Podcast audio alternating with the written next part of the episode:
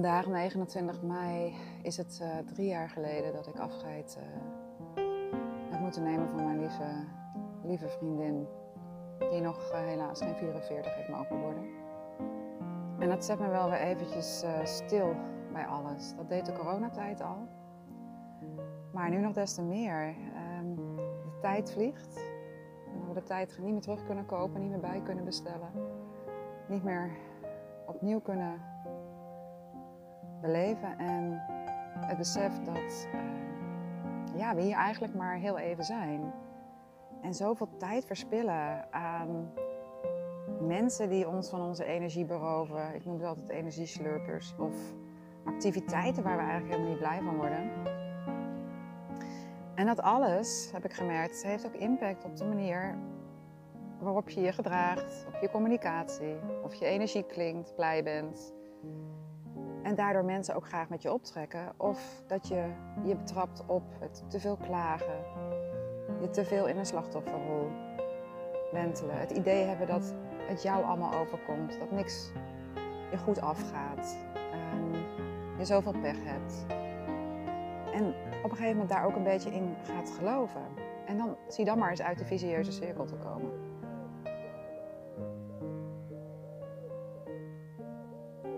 Je bewust worden van waar besteed ik mijn tijd aan en wat kost mij of geeft mij energie, is wel een heel onderschat belangrijk proces om uiteindelijk op je leven terug te kunnen kijken en te bedenken: hé, hey, ik heb eigenlijk altijd wel alles gedaan wat ik wilde. Ik heb zoveel mogelijk gedaan waar ik blij van werd. Ik heb zo min mogelijk gemiste kansen. Ik heb eigenlijk geen gevoel van: oh, had ik toen toch maar.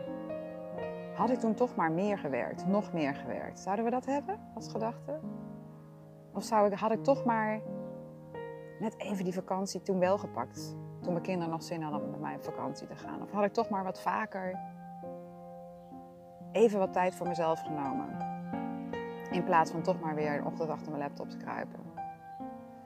Of had ik toen toch maar afscheid genomen van mensen waar ik toch al niet gelukkig van werd. Die me altijd betuttelden of zeiden wat ik moest doen, me domineerden, waar ik me niet comfortabel en op mijn gemak voelde. Of had ik toch maar blijven praten met inmiddels mijn ex, omdat ik denk dat we er dan nog wel uit hadden gekomen. We elkaar gewoon waren kwijtgeraakt. Waardoor we eigenlijk ons heel eenzaam begonnen te voelen en onbegrepen begonnen te voelen met z'n twee. Zit jij momenteel in een situatie waardoor je bijvoorbeeld door corona alle twee thuis bent komen te werken en merk je dat je steeds meer grip verliest op het contact met elkaar, op het begrip voor elkaar of op de liefde ten aanzien van elkaar? Sta dan eens stil in plaats van door te jakkeren en te jagen, want ja, werken is wel belangrijk. Maar uiteindelijk is dat de rubberen bal. Je connecties, de mensen die er voor jou toe doen, de liefde die je voelt voor je familie, voor je kinderen, voor je vrienden en voor je partner, die zijn cruciaal. Dat noem ik de glazen ballen. Die stuiteren niet terug. Die kunnen kapot. En dan zijn ze ook definitief kapot. Op het moment dat jij nu op het punt staat de handdoek in de ring te gooien voor wat betreft je huwelijk of je relatie, probeer dan één stapje terug te doen en eens in te voelen van hou ik nog van hem of van haar? En in welke mate is die liefde er nog? En probeer dan nog eens een stapje verder terug te gaan. En te bedenken, goh, wat vond ik ook alweer zo leuk aan mijn lief toen we elkaar net ontmoetten. En waar zijn we dat kwijtgeraakt? Waardoor zijn wij niet meer, on speaking terms, lukt het ons niet meer om een goed gesprek met elkaar te voelen. Om elkaar een inkijkje te geven in, in, onze gevoelswereld.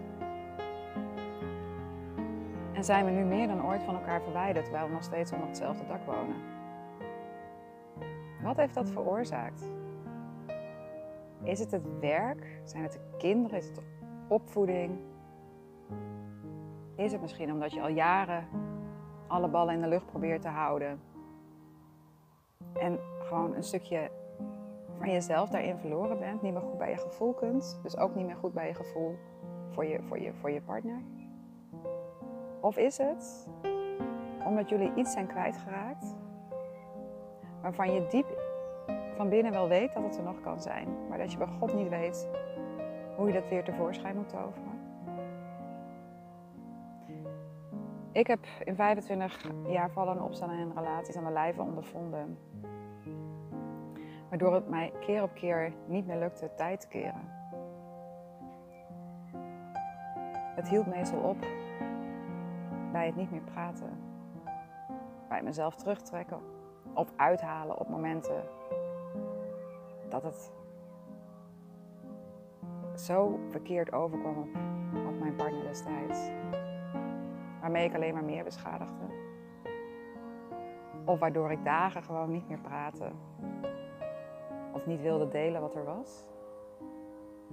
Terwijl het enige stapje wat ik toen had moeten zetten, enige stapje vooruit, was om aan te geven: Schat, zoals het nu gaat tussen ons en zoals ik het nu voel, voelt het gewoon niet fijn voor mij.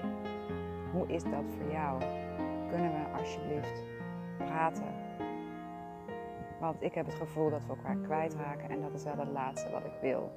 Dus hoe kunnen we het tij keren?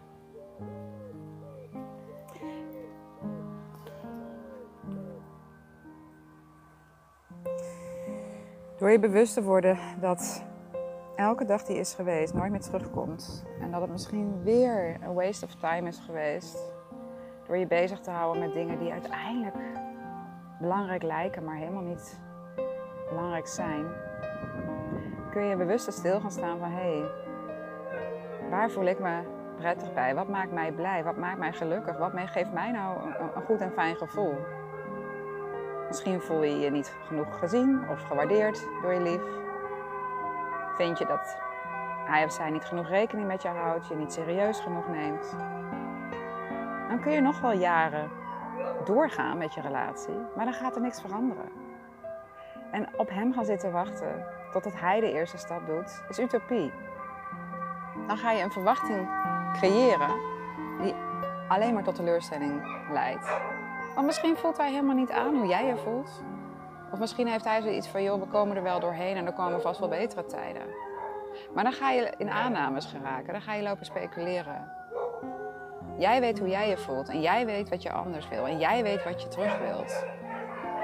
Dus op het moment dat die liefde er echt nog wel is, maar dat je gewoon de manier waarop jullie nu met elkaar omgaan heel erg onprettig vindt en dat het echt een zorgpunt voor je is geworden, dan kan ik je echt één tip geven.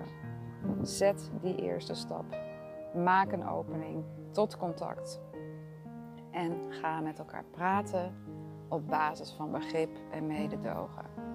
Laat de strijdbel achterwege, want het enige wat je dan als effect hebt is dat je oorlog voert met z'n twee. En dat wil je toch niet met degene van wie je houdt.